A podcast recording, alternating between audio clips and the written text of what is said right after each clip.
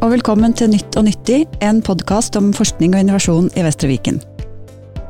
Mitt navn er Anne Bergland, jeg jobber som innovasjonsrådgiver i Vestre Viken, og i dag skal jeg snakke med Marte Roa Syvertsen og Amund Leinås om innovasjonsprosjektet Brukerstyrt epilepsioppfølging. Marte er lege og forskningssjef ved Drammen sykehus. Hun har en doktorgrad om ungdomsepilepsi og hjernens pannelapsfunksjoner. Amund er innovasjonsrådgiver ved forsknings- og innovasjonsavdelingen i Vestre Viken, der han jobber med digital hjemmeoppfølging og koordinerer Helse Sør-Øst sin satsing på brukerstyrte boligklinikker.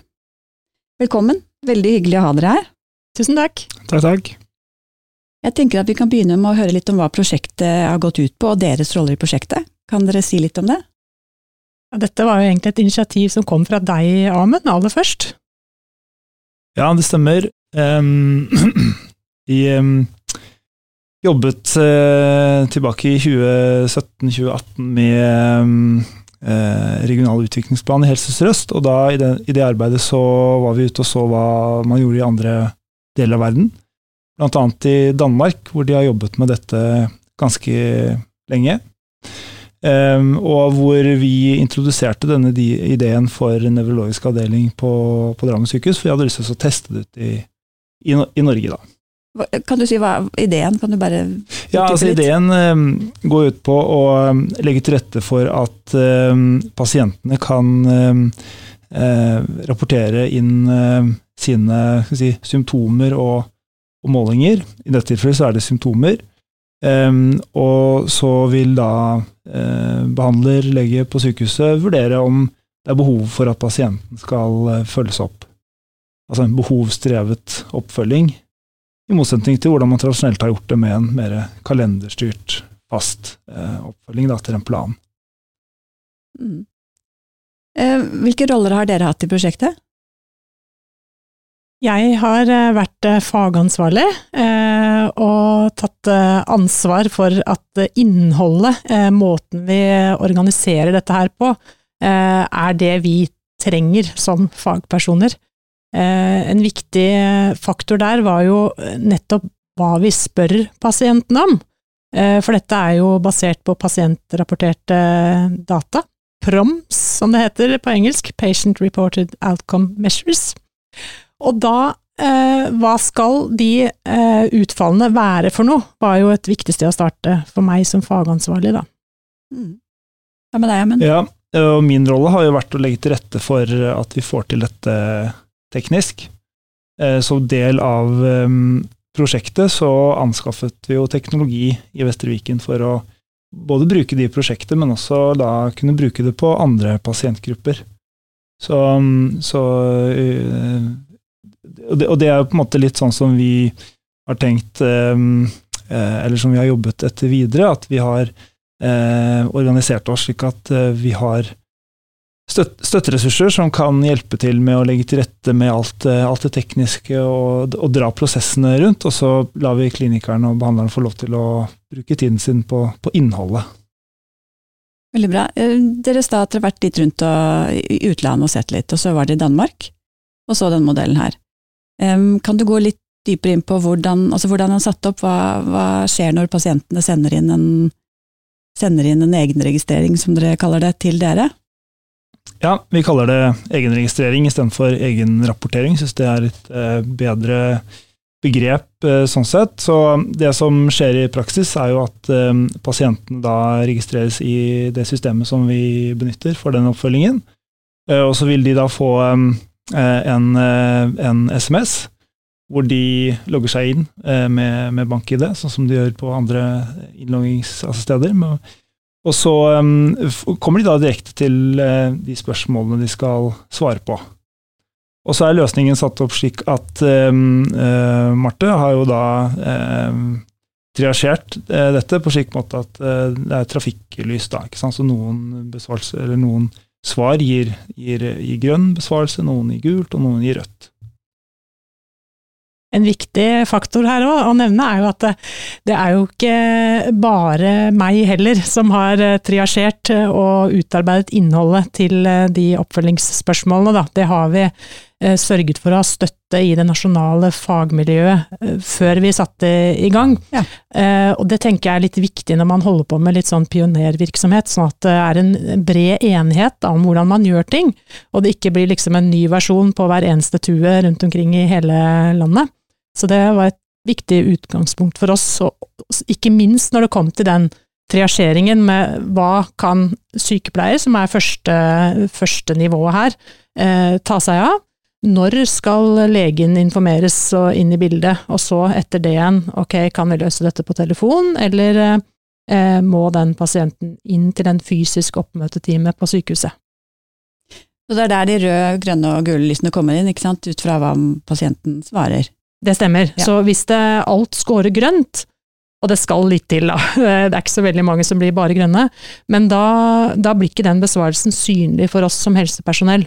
Mens eh, hvis det blir en gul besvarelse, da ser vi den, og da skal sykepleier eh, inn og lese hva er dette, er det noe nytt, er det hva står i journalen fra før, og så tar hun stilling til om hun trenger legeråd eller ikke, og hvis det er en rød besvarelse, da skal legen kobles på uansett.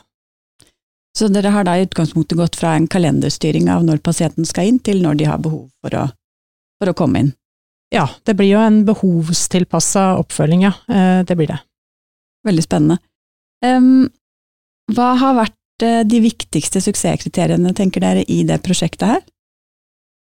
Da er det veldig fristende å si at uh, vi har hatt et kjempegodt samarbeid, og at det var ja. veldig viktig for at få det på beina. Da. Uh, også at vi kommer fra ulike bakgrunner, uh, og at det kanskje var akkurat en sånn kombinasjon som skulle til. jeg hadde ikke klart å få dette på beina aleine som kliniker, jeg, selv om jeg hadde hatt den ideen, og kanskje motsatt også. Ja, det det hadde, ikke, mm, det hadde ikke hjulpet hvis eh, bare jeg hadde kommet med teknologien, hvis ikke hadde en, en entusiastisk og engasjert eh, eh, behandler som ønsket å ta det i bruk. Så det er den kombinasjonen der av eh, et engasjert fagmiljø eh, som ønsker å prøve ut noe nytt, og eh, apparatet rundt som kan legge til rette for at den jobben med å komme eller få det implementert og komme i gang, er så enkelt som mulig da, i en ganske travel klinisk hverdag. Er det andre ting dere tenker har vært viktig for at dere har fått, det her, fått dette til? Jeg tenker dialogen bredere også inn eh, i legegruppa og blant de som skal ta et sånt system i bruk, er veldig viktig.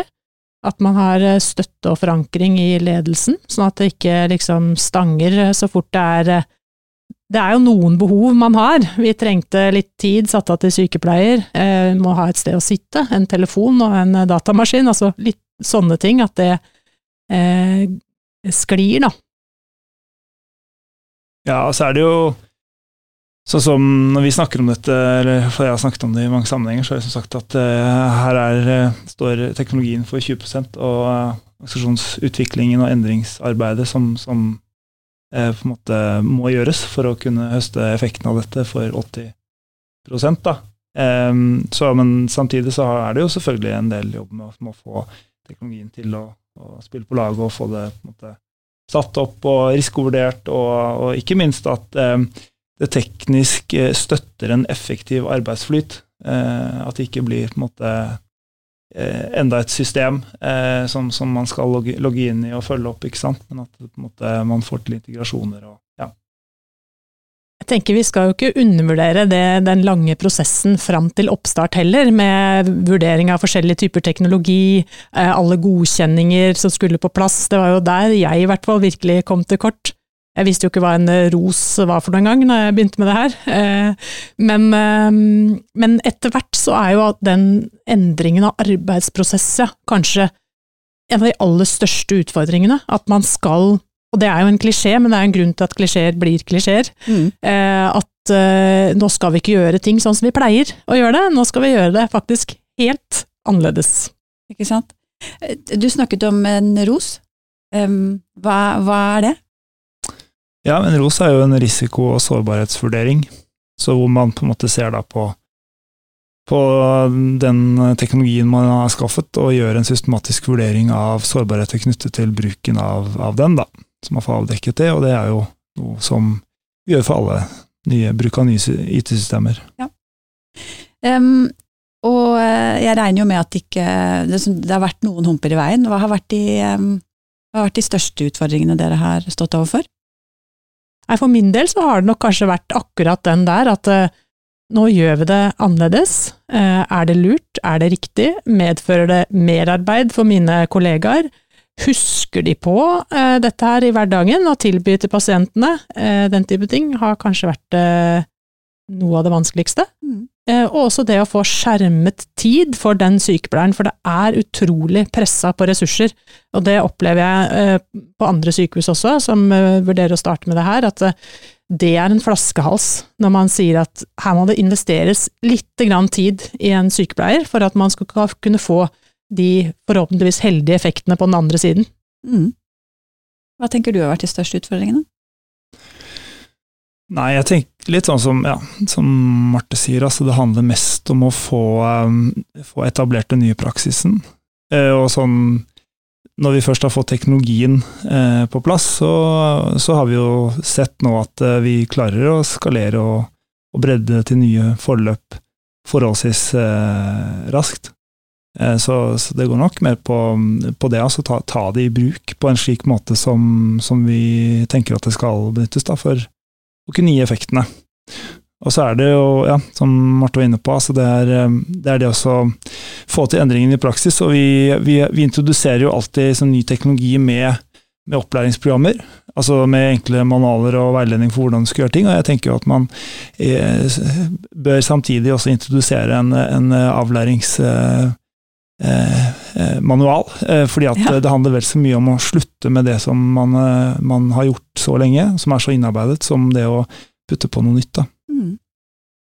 Det var veldig bra. Um, nå er det mange andre foretak som også ønsker å ta i bruk brukerstyrt oppfølging av epilepsipasienter, og som også har gjort det. Kan dere si litt om hvordan dere har jobbet med å spre informasjon om prosjektet og det å jobbe brukerstyrt? Der har vi nok hatt uh, mye fordel av den nasjonale forankringen som vi hadde med oss helt fra start når det gjaldt det faglige innholdet. At vi brukte et uh, nettverk som heter Epilepsinett for å uh, kvalitetssikre det. Og da er det jo i den andre enden egentlig akkurat de samme menneskene som sitter og er aktuelle for å ta det i bruk i praksis også. Så det er én bit, men så har vi jo også opplevd at folk har oppsøkt oss aktivt og spurt om informasjon. og jeg er invitert til møter. Ja, vi har jo fått veldig mye ja, forespørsler fra både nevrologiske miljøer, altså epilepsimiljøer, men også fra andre fagmiljøer som, som ønsker å benytte den samme løsningen for, for sine pasienter. Eh, og nå har de vel også begynt på barneavdelingen her i Drammen med noe av det samme for barn med epilepsi? Ja, det er veldig, veldig spennende, og så vidt meg bekjent så er de først ute i Norge på å gå litt ned i aldersgruppe. For det vi har laget, det er jo fra 18 år og oppover, voksenavdeling, mm. eh, mens de eh, lager en variant nå for eh, ungdom 16 til 18 år. Kjempebra. Også litt for å sikre den gode overgangen til voksenavdelingen, regner jeg med også, for å få en god, ja, rett og slett overgang. Ja, der kommer jo den faktoren inn i bildet også, som er kjempeviktig, og egentlig vært en egen podkast i seg selv. Ja. det med altså, transisjon, hva gjør vi i den overgangen fra barn til voksen? Ja. Og, og, og her har jo også både brukerutvalget og ungdomsrådet vært veldig sånn tydelige på at dette er jo eh, løsninger man ønsker seg, man ønsker, så langt det er mulig. og kan man ta i bruk digital eh, oppfølging, så, så ønsker man jo det. Så det å legge til rette for det allerede på på barneavdelingen, og så tar man det med seg videre over når man går over på voksne. Det er jo veldig fint. Ja. Og så bare i, i, forhold til det som um, Marte sa med, med, med, spredning. Det er jo veldig flott da, at man nå faktisk legger til rette for altså enda større grad av likeverdig helsetjeneste gjennom å standardisere tilbudet som, som, pasientene får, enten om du bor i Drammen eller i Bergen, eller nå har du vel startet opp i Tromsø også, liksom, så er det den samme, mm. det samme tilbudet. Mm. Stemmer det at du har eh, opprettet forum? Ja, det stemmer også, eh, for nå begynner vi å bli ganske mange mennesker rundt omkring i Norge som jobber med dette her, både leger og sykepleiere og andre også. Eh, så da var det lurt å samle oss under en paraply, tenkte vi. Så nå i mai så skal vi ha det første møtet digitalt for Forum for brukerstyrt epilepsioppfølging. Ja, Veldig bra, spennende. Kan dere si der litt om hvordan brukerstyrt oppfølging har endret den kliniske hverdagen, både for pasientene, men også for helsepersonell? Ja, det kan nok jeg si noe om, for jeg jobber jo med dette her. Mm. Eh, I praksis også, så har jeg vært den legen som har hatt eh, ansvaret for oppfølgingen i det daglige òg, eh, i eh, over tre år nå. Og det endrer veldig mye, eh, fordi eh, her blir det jo en kompetent sykepleier eh, som sitter og er eh, første ledd for henvendelser inn. Eh, og det vi ser er at eh, hun håndterer jo eh, omtrentlig to tredjedeler av alt som kommer inn av henvendelser. Eh, både det som er planlagt inn eh, med den rapporteringen to ganger i året, og det som kommer utenom ved behov. Eh, og tidligere så har jo det meste av dette gått direkte til legen, da, som sånne såkalte gule lapper i det journalsystemet vi bruker. Og det er en tidstyv i eh, den kliniske hverdagen for en, for en behandler. Eh, Pasientene, da, hvordan har de mottatt dette? Eh, det er det jo, nå er det jo sykepleieren som har det meste av den direkte dialogen der, men det jeg hører fra henne og fra andre sykepleiere som er på andre sykehus rundt i Norge, så er det eh, veldig godt mottatt. Og tilbakemeldingene er at de føler seg trygge, hørt og ivaretatt i større grad enn tidligere. Eh, mange opplever det som litt eh, overraskende at det er vi som ringer dem, og ikke omvendt, for de er vant til å måtte sitte i telefonkø og mase eh, seg fram til kontakt, mens nå er det vi som ringer og spør har du tid nå? Så bra. Det er jo en hel, helt annen måte å, å eh, drive helsetjeneste på. Det er snudd litt rundt. Ja. Kjempebra. Og så er det ikke bare sånn at vi Altså, en ting er jo vi, vi introduserer en ny måte å, å jobbe på, det er liksom ett element. Og så, eh, det, så blir det en oppgave, altså eh, endring i hvordan vi løser på måte, oppgavene på, ved at du da eh, overfører oppgaver fra en eh, fagressurs til, til, til en annen. Men så har vi også lagt til rette for eh, at dere skal kunne jobbe sant, sammen, altså sitte fysisk sammen. Og Det også tror jeg er viktig når man tenker digital oppfølging, at vi faktisk også erkjenner det at eh, da kan vi bruke arealene litt annerledes, og vi må organiseres på en, på en ny måte. og og i hvert fall sånn jeg oppfatter det på, på dere, så er jo den måten å, å sitte sammen på, at man har da, eh, satt av én dag i uken til å jobbe med dette, gjør jo at oppfølgingen går veldig effektivt. Og den dialogen mellom dere også gjør at det går eh, eh, Ja. Mm. Det er jo viktig, eh, ikke sant, for pasientsikkerheten, at det er en rigg bak, eh, sånn at det er noen å spørre, og en, eh, en ansvarlig lege til enhver tid. Kjempeviktig. Og så er det viktig å understreke også at det, dette er ikke istedenfor polikliniske timer.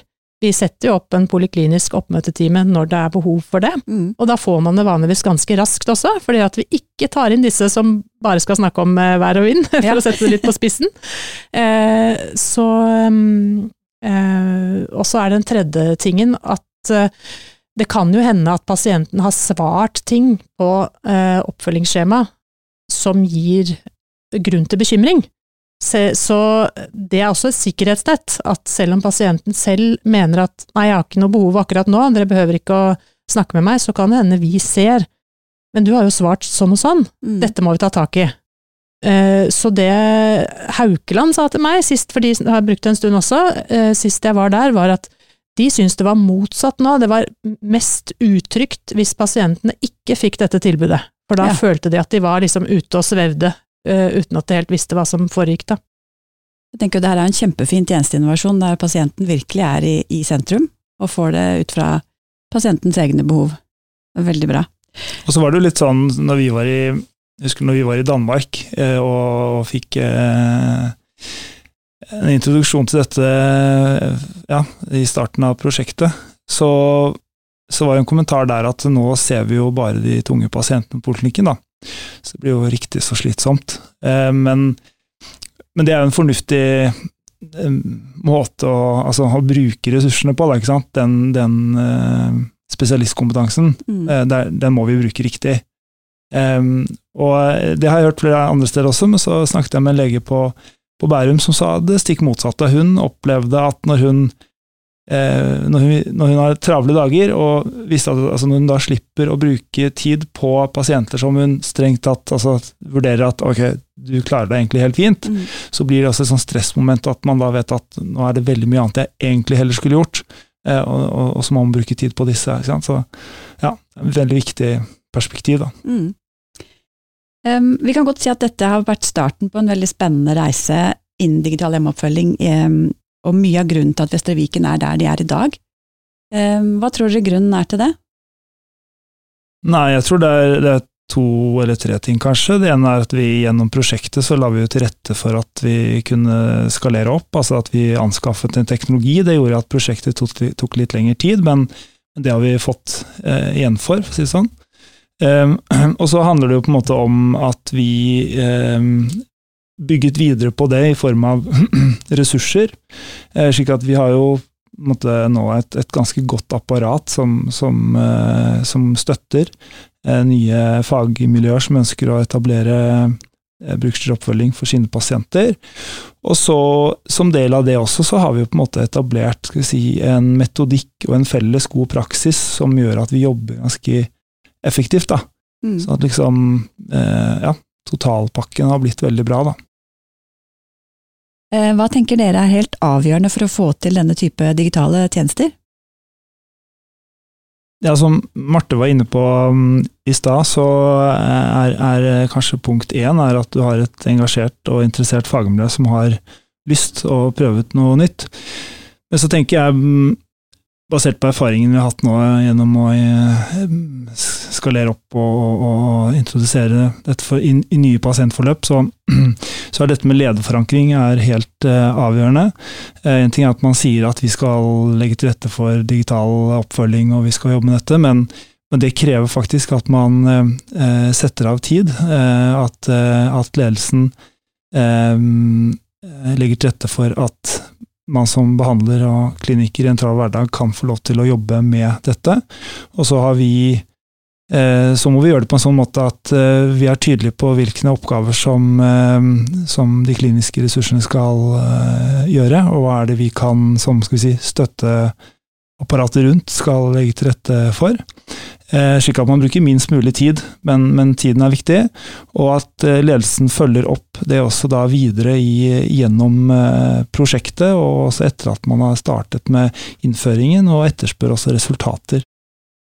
Um, brukerstyrt epilepsioppfølging det har blitt sett på som et referanseprosjekt, og fått mye anerkjennelse rundt omkring i Norge. Men det har også fått anerkjennelse internt. Og i 2022 så ble det for første gang delt ut en innovasjonspris i Vestre Viken, der dere var, eh, eller dette prosjektet var ett av to prosjekter som fikk førstepris. Um, bare sånn avslutningsvis så kunne jeg tenkt meg å høre litt om hvordan det har vært for dere å være med på denne reisen her, og hva dere sitter igjen med. Det har jo selvfølgelig vært eh, veldig, veldig gøy. Og så, eh, for min del, så er det nok et eksempel på en sånn, eh, sånn snøballeffekt. Det begynner å rulle lite grann, og så vet du ikke helt hva du har begynt med, og så blir det liksom større og større, og egentlig morsommere og morsommere, da. Og nå står vi jo ved en virkelig spennende sted, nemlig hvilke resultater har vi fått, hva viser tallene? Mm. Hva med deg, Amund? Jo, det, det, er helt enig med Marte at eh, ja, nå begynner vi å få såpass eh, mange forløp og, og, og betydelig volum på pasientene som vi, vi, kan hente ut en del data og se på en måte på ja, eh, effektene. Men det har jo på en måte bred grunn for det arbeidet som vi har jobbet med de siste tre-fire årene, egentlig, og den skaleringen som vi nå ser. Og vi er jo på en måte fortsatt liksom i startgropen, tenker jeg, av den virkelig digitale altså Introduksjonen av digitale helsetjenester, det, det, det, har skjedd veldig mye de siste årene. Det kommer jo til å vokse eksponentielt, på en måte. Altså, så, så, det er veldig gøy å være med på, med på dette. Fin avslutning på denne episoden. Det har vært veldig gøy å ha dere her, og jeg syns det har vært veldig inspirerende å høre på dere. Tusen takk for at dere ville være med på denne episoden av eh, Nytt og nyttig. Takk for at vi fikk være med, det var hyggelig. Takk, veldig hyggelig. Takk for at du har hørt på denne episoden av Nytt og nyttig. Du finner alle episodene og mer informasjon på våre nettsider vestreviken.no slash podkast. Hvis du syns dette var interessant å høre på, så del gjerne podkasten med dine kollegaer. Og hvis du har tips til noen vi burde snakke med, ta kontakt på nytt og nyttig at vestreviken.no.